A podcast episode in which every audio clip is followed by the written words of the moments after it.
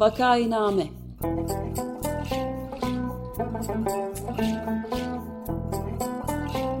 Salgın günlerinde memleket manzaraları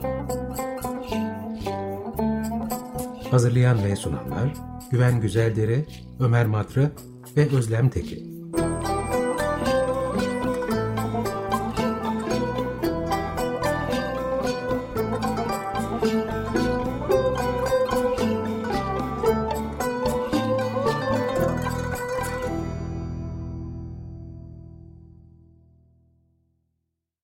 Vakainame'ye hoş geldiniz. 95 FM Açık Radyo'dasınız. Bu programı Ömer Madra, Özlem Teke ve ben Güven Güzeldere birlikte sunuyoruz. Bugün Ömer Madra bizimle değil. Konuğumuz Boğaziçi Üniversitesi'nden Profesör Tuna Tuğcu. Hoş geldin Tuna, merhaba. Ee, hoş bulduk Güven. Ee, hoş bulduk Özlem Hanım, Hamdi. Merhabalar, ee, konuğumuz Profesör Tuna Tuğcu, lisans ve doktora derecesini Boğaziçi Üniversitesi Bilgisayar Mühendisliğinden Yüksek lisans derecesini ise New Jersey Institute of Technology Computer and Information Science bölümünden almıştır. Doktora sonrası araştırmacı ve misafir öğretim üyesi olarak Georgia Institute of Technology'de çalışmıştır. 2004 yılından beri Boğaziçi Üniversitesi'nde öğretim üyesi olarak görev yapmaktadır. Çok sayıda uluslararası makale, konferans bildirisi ve kitap bölümleri yayınlayıp kitap ve dergi editörlüğü yapan Tuğcu'nun ödülleri de bulunmaktadır. Ayrıca kendisi akademisyenlik görevinin yanı sıra internet kurulu üyeliği, elektrik elektronik teknoloji platformu, telekomünikasyon grubu danışmanlığı, uluslararası panel moderatörlüğü yapmış. E, NATO bilim ve teknoloji gruplarında ülkemizi teslim etmiştir. Hoş geldiniz hocam. E, ülkemizi temsil ettik desek daha doğru olur. Teslim etmedim. evet evet kusura bakmayın. Ben de bir ekleme yapayım. E, Kadıköy Anadolu Lisesi'nden biz lisedaşız. Tuna'yla e, Kadıköy Anadolu Lisesi'nin satranç takımının da ayrıca çalıştırıcı hocasıymış. E, inşallah iyidir oradaki e, satranççıların durumu. E, satranç değil de bilgisayar takımı çalışıyorum. Bilgisayar olimpiyat takımı çalıştırıyorum. Ha, bilgisayar olimpiyat takımı pardon ben satrançta yanlış söyledim. Affedersin. Ee, tamam. Satranç severim ama çok profesyonel olduğum söylenemez satrançta. Ee, çok akıllı gençler. Ee, daha yeni başladık. Ee, yani sıfırdan bir takım yetiştiriyoruz. Ee, gayet başarılı olacaklarına inanıyorum. Hadi bakalım. Peki kolay gelsin. Şimdi biz Boğaziçi Üniversitesi hakkında epey program yaptık. Ee, geçen senenin başında e, işte bir seçilmemiş bir rektörün dışarıdan atanmasıyla başlayan e, protestoları izlemeye çalışıyoruz. Belli aralıklarla da e, programlar yapıyoruz. Bugün e, yine yeni rektörlüğün e, icatlarından bir tanesi hakkında konuşacağız ama doğrudan protestolarla ilgili değil e, daha ziyade veri güvenliği ile ilgili bir konu ve e, bu konuda aslında bir programda yapmış durumdayız. Füsun Sarp Nebil'in e, konuk olduğu birkaç hafta önce. Tuna Tuğcu'yu da açık bilinçte dinlemiş olanlar olabilir. bilgisayar virüsleri ve casus yazılımlar üzerine bizi aydınlatmıştı sağ olsun. Şimdi biraz aslında kendi başına gelenleri de anlatmasını isteyeceğiz. Çünkü e, Tuna Tuğcu başka görevlerinin yanı sıra e, Boğaziçi Üniversitesi'nin bilgisayarlarında tutulan kişisel verilerin korunması e, ile de e, o sorumluluğa da sahipti. Öyle bir komitenin başındaydı, bir komisyonun başındaydı. Fakat e, bu komisyon benim anladığım kadarıyla bypass edilerek e, o verilere erişimin başka insanlar tarafından e, sağlanması mümkün kılınmış e, rektörlük tarafından ki bu aslında tabii ki doğru bir şey değil ve e, e, verileri e, işte böyle ortalığa başka insanların eline geçen herkesin aslında endişe duyması gereken bir durum. Fakat e, buna itiraz etmesi sebebiyle e, Profesör Tuna Tuğcu'nun da başına gelmeyen kalmadı. Ama e, bu hikayenin sonuna gelmiş değiliz. Biraz bugün aslında bu hikayeyi e, dinlemek istiyoruz. Nereden başladı, nereye geldi, e, şu anda durum ne? E, Tuna bize biraz özetleyebilir misin? Tabii hızlıca özetlemeye çalışayım.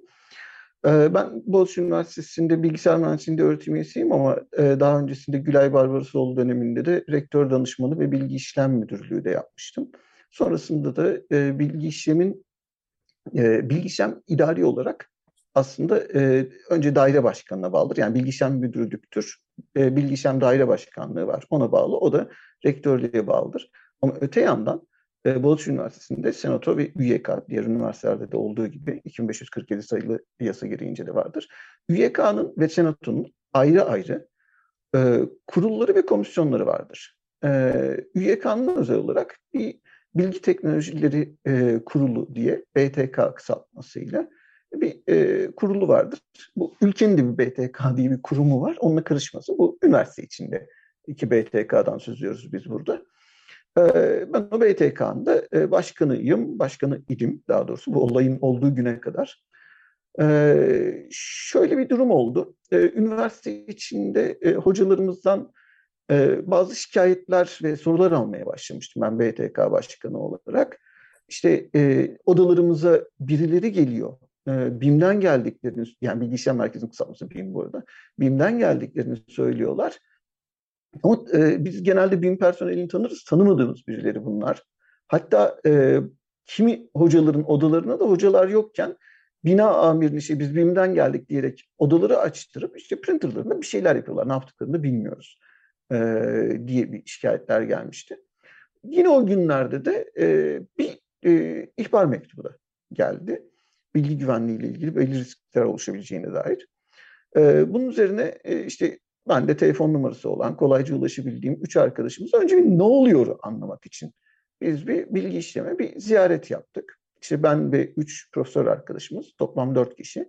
Bilgi işlem müdürü de bu arada e, BTK üyesidir. E, bilgi işlem müdürüne işte yazdım.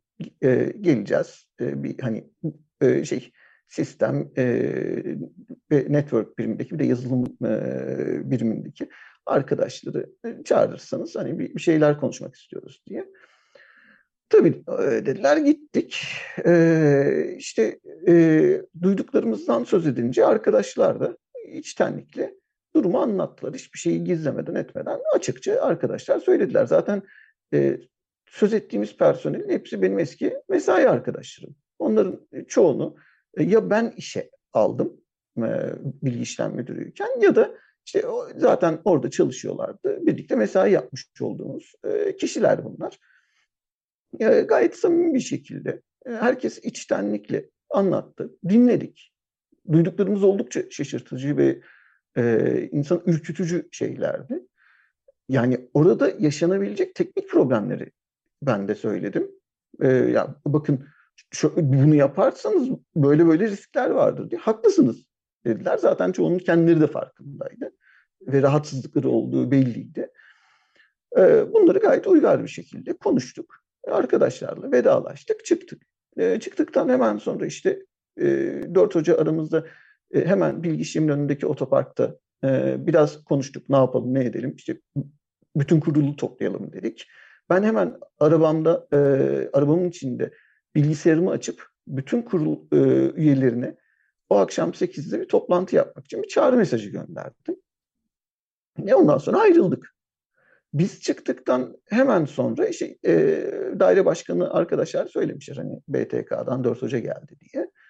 E, işte hemen güvenlik, 6 tane güvenlik görevlisi gönderilmiş. Güvenlikçiler bilgi işlem basılmış diye gelmiş. Yani ne basılması? Basılma falan yok demişler. İşte ondan sonra daire başkanı gelmiş.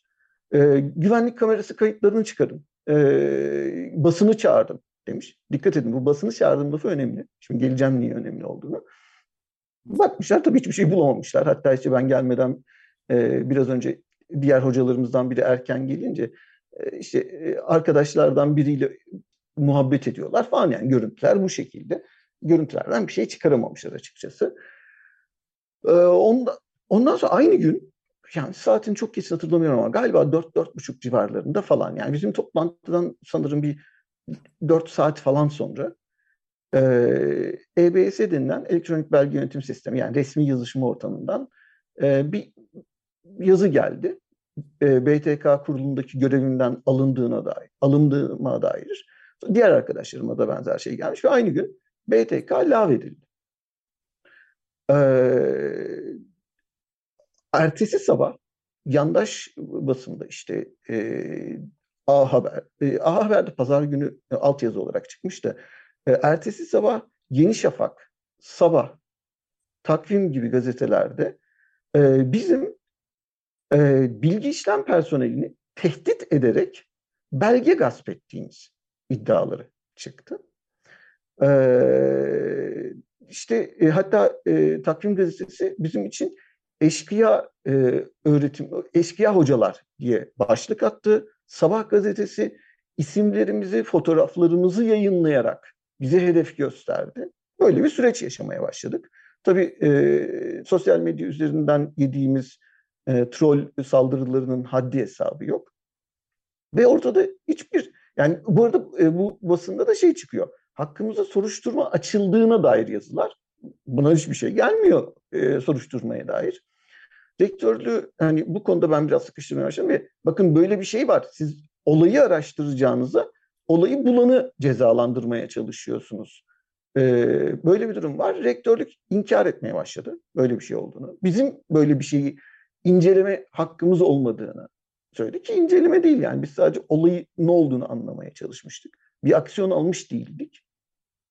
Falan. Ondan sonra e, hayır yani bu bizim görevimiz dediğimizde sizin göreviniz değil işte güvenli veri yönetim e, komisyonu diye GVYK kısaltması. İşte GVYK komisyonunun e, görevidir dediler.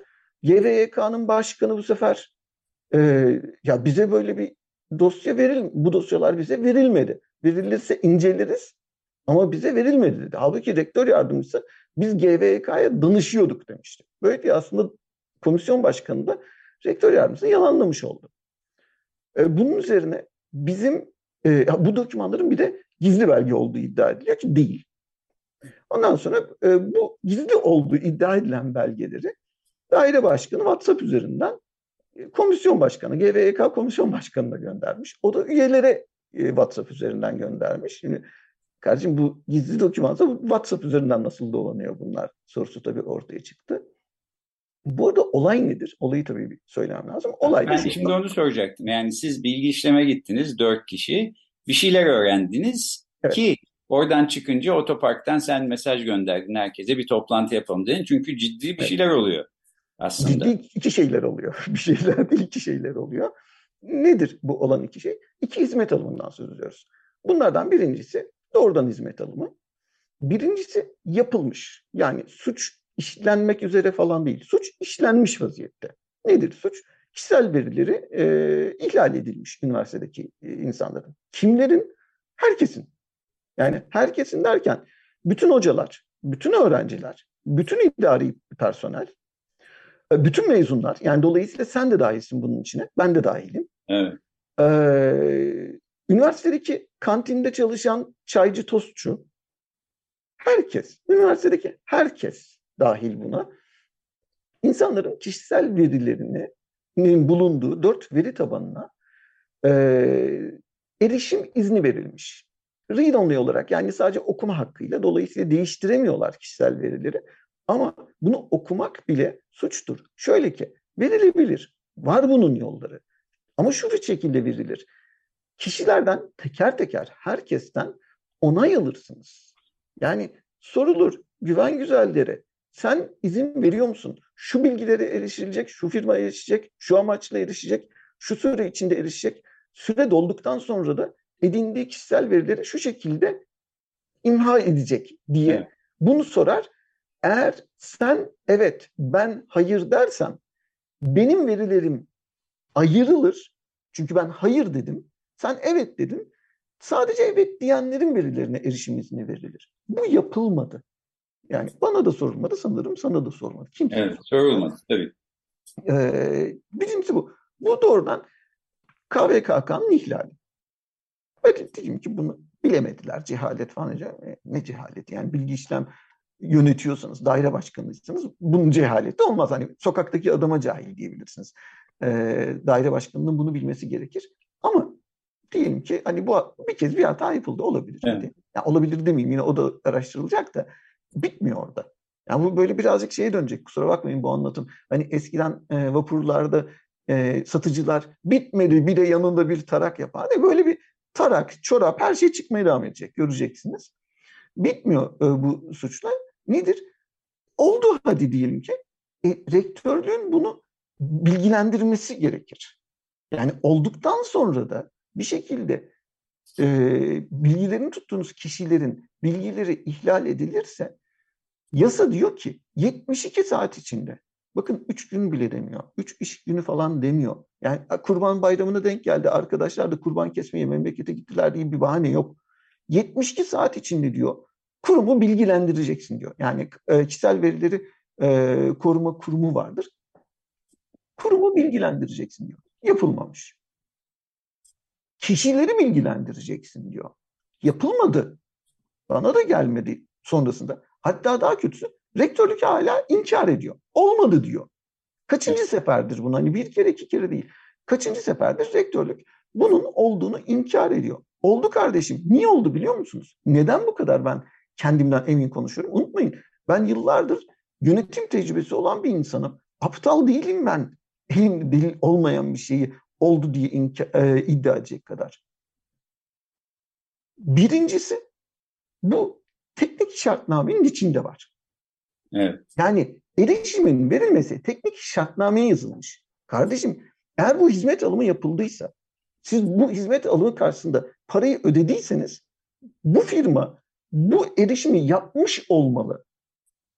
Aksi takdirde görevini yapmamış, siz de yapılmayan iş için para iş, e, ödeyerek aslında suç işlemiş olursunuz. Evet.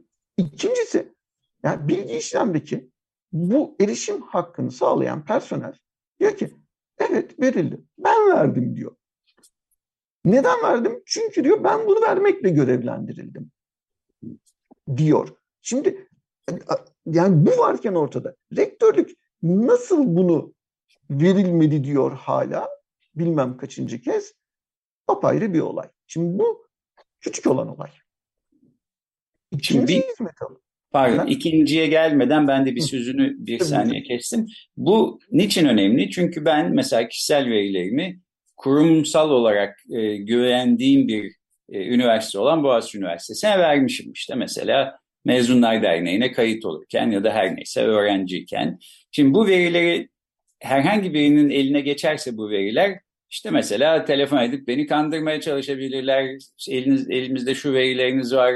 Buradan dolayısıyla şuraya para verin diyebilirler. Ya da her halükarda bu verilerin kimsenin eline geçmeyeceğini ben varsayarak bunları Boğaziçi'ne teslim etmişim. Fakat senin dediğinden şimdi anlıyoruz ki Boğaziçi eliyle bu veriler Boğaziçi dışında başka bir kuruma teslim ediliyor ve bana söylenmiyor böyle oldu. Evet. Bu yani e, dediğin gibi çok şey yapılabilir. Mesela senin hakkındaki bu bilgiler kullanılarak bak güven görüyorsun biz senin hakkında her şeyi biliyoruz falan diye den, e, seni evet. e, sanki çok daha detaylı şeyler biliyormuş gibi kandırabilirler. İşte bu gördüğünüz milleti dolandırıcılık şeyleri falan da bununla oluyor. Evet. Çeşitli tehditler de olabilir. Yani senin hakkında çok fazla bilgiye sahip oldukları için çalıştığın e, yere ya da çevrendeki insanlara senin hakkında aslında senin bilinmesini istemediğin şeyleri de söyleyebilirler. Ya kardeşim bunlar güvenin kişisel verileri, adı üzerinde kişisel, kişisel olan bir şeyi kişinin kendisinden habersiz paylaşamazsınız. Bu konuda yasa var. Evet. Şimdi bu birincisi ve bu diyorum işlenmiş olan bir şeydi. İkincisi işlenmek üzereyken e, işte zaten biz bunu fark etmiş olduk. Eğer rektörlük bizi görevden almak yerine ne olduğunu öğrenip bunun için aksiyon alsaydı bu ikincisinden de kötü sonuçlar doğmamış olacaktı. İkincisindeki olay da şu. Bir firmaya e, işte e, bilgi iletişim ve güvenlik rehberi denilen e, kısaltması BİGR Bigger diye telaffuz ediliyor. Ben de öyle söyleyeceğim.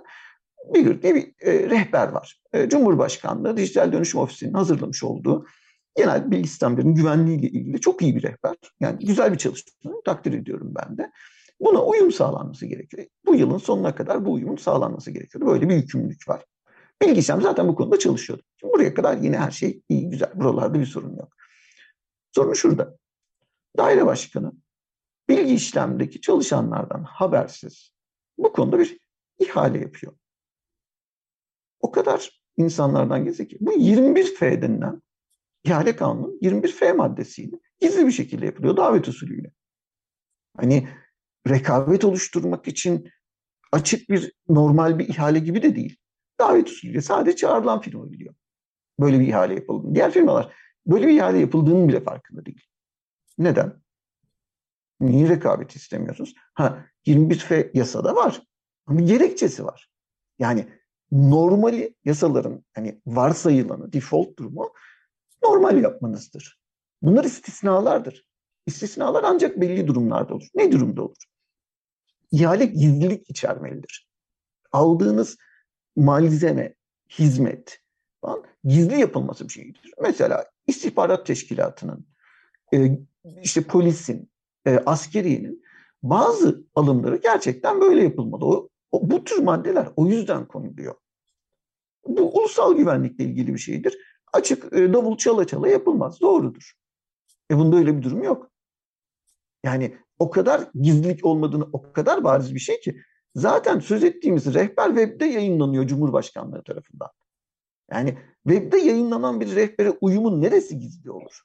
İkincisi, ikinci seçenek hadi gizlilik yoktur da aciliyet vardır. Yani ne bileyim işte sizin diyelim ki storage sisteminiz bozulur, UPS bozulur, e, jeneratörünüz bozulur falan. Aciliyet vardır. Normal ihale süreçleri bir buçuk iki ay sürer. O kadar bekleyecek haliniz yoktur. Çok acil tedarik etmeniz gerekir. Öyle bir durumda yok. Yıl sonuna kadar, tam Nisan ayında yapılan bir ihaleden söz ediyoruz. Yıl sonuna kadar 40 kere yapılırdı bu. Niye kamuya açık rekabetle üniversitenin ve kamunun parasını daha iyi değerlendirerek bir ihale yapılmıyor da gizli kapaklı 21F ile davet usulüyle birileri çağrılarak yapılıyor. Zaten başıma ne geldiyse buradan geldi. Evet, sen tabii kişisel veri güvenliği konusunu üniversitede e, hatta Türkiye'de en iyi bilen insanlardan birisin ve burada hırsızlığı yakalamış bir polis gibi e, bir işlev üstlenmişsin. Fakat e, rektörlük hırsızın peşinden gideceğine hırsızı yakalayan polisi cezalandırmayı seçiyor diye anlıyorum. Öyle mi? Yani şimdi ben birincisi evet. ben devlet memuruyum. Kelimelerimi dikkatli seçmek Tamam peki yani bunu ben demiş olayım. Sen demiş olma. Ama, tamam, öyle o zaman. Ama, şunu da söyleyeyim. O kadar bile değil. Çünkü ya daha bir şey yapmadık ya. Ya hiçbir şey. Biz toplantıyı yani şey, o BİM'e gittik. Ziyaret ettik arkadaşları. Bu durumu öğrendik. Nokta. Anında biz görevden alındık. Evet. Yani sadece bununla görevden alındık. Yani biz bir aksiyon almadık daha. Halbuki bıraksaydı rektör biz o akşam bir rapor yazacaktık. Yani önce toplanacaktık kurul olarak. Kurulla tartışıp sonra bir rapor yazıp rektöre sunacaktık. Hatta ben bizzat da gidip rektöre teknik bir iş çünkü anlamayabilir normaldir fizikçi. Yani herkes bilgisayar ileri derecede bilgisayar bilmek zorunda değil tabii ki. Gider tane tane rektöre ben buradaki riskleri anlatırdım. Neden buna imkan bırakmadı? Yani en azından rektör, yani benim telefon numaram, her şeyim var rektörün elinde. Cep telefonu falan var. Önce aksiyon almadan bir beni çağırır. Beni de tanımayan bir insan da değil yani. Konuştuğumuz, ettiğimiz bir insan. Yıllarca aynı kurumda e, çalışmış insanlarız. Çağırır bir, ya Tuna Hoca ne oldu der. Hadi bana kızacaksa da yüzüme de kızsın. Ben de cevabını verirdim bir şekilde bir doğru yolunu bulurduk. Yine beni hakkında soruşturma açıyorsa açsın, cezalandırıyorsa cezalandır. Ya önce bir ne olduğunu öğrensin rektör. Neden ne olduğunu öğrenmedi? Yoksa zaten ne olduğunu biliyor muydu? Bilmiyorum artık. Şimdi burada yalnız bu e, 21F ile olan şeyde e, çok ciddi bir problem var ki o da e, bütün sunucuların e, admin şifresi, root şifresi istendi. Yani yönetici şifreleri istendi. Bu inanılmaz bir şey. Bu bilgi güvenliği rehberine daha doğrudan çelişen bir şey. Zaten rehberin kendisini ihlal ediyor. Ve bu üniversitedeki herkes için rektör de dahil olmak üzere sahte delil üretilmesi, gönderilmemiş mesajları gönderilmiş gibi yapması, alınmamış mesajları almış gibi yapması her şey mümkün. Buna imkan sağlayan bir şeydi. Evet. E, ve bütün bunların e, sonunda e, yani sen bir e, işte pişmiş aşa, aşa su katmış gibi oldun ve e, cezalandırılıyorsunuz. Bir kere bu kurul lağvedildi. Sen de okuldan uzaklaştırıldın galiba değil mi? Son olarak Evet. aslında belki senin başına gelenleri özetleyerek bitirelim. Ee, kuruldan e, yani önce üniversiteden bir uzak kurulla edildi dediğin gibi. Ee, üniversiteden 3 ay uzaklaştırma aldım. 3 ayın bitmesine bir gün kala 3 ay daha uzatıldı. Hakkımda iki tane soruşturma var. İkinci soruşturma şirketim hakkında. Orada da çok saçma sapan e, şeyleri oldu. İddialarını, e, suçlamaları ondan sonra ay bu suçlama değil canım tespitti diye kıvırmak durumunda kaldılar. Ama yasaya göre iki ayda sonuçlandırılması gereken soruşturmalar yaklaşık 4 aydır sonuçlandırılmıyor ve bu soruşturmalar tepemde Demokles'in kılıcı gibi sallanıyor ki ben konuşmayayım. Evet. Ee, Ama konuşuyorum. ama konuşuyorsun. Evet. Ee, peki biz de takip etmeye devam edeceğiz. Bir gelişmeler olursa e, yeniden e, seni belki konuk alırız. Boğaziçi'nde zaten e, öğretim üyelerinin e, öğrencilerle ve mezunlarla da e, birlikte sürdürdüğü protestolar bence çok önemli. E, böylece bitirelim istersen kolay gelsin e, diyoruz. Yani e, başımıza da neler gelecek bu verilerimiz olmadık insanların eline e, geçtiğinde ya da geçtiği için e, onu da herhalde zaman içinde göreceğiz korkarım. E, Ne yazık Peki. öyle. e, tamam bugün böylece bitirelim. E, Vakayname'nin sonuna geldik. Bugün konuğumuz e, Boğaziçi Üniversitesi'nden Bilgisayar Mühendisi bölümünden Profesör Tuna Tuğcu'ydu. E, kişisel veri güvenliği ile ilgili üniversitede yaşanmakta olan bence skandal bir e, durumu e, bize anlattı. Çok teşekkür ediyoruz Tuna. Ben teşekkür ederim. İyi yayınlar. Hoşçakalın. Hoşçakalın.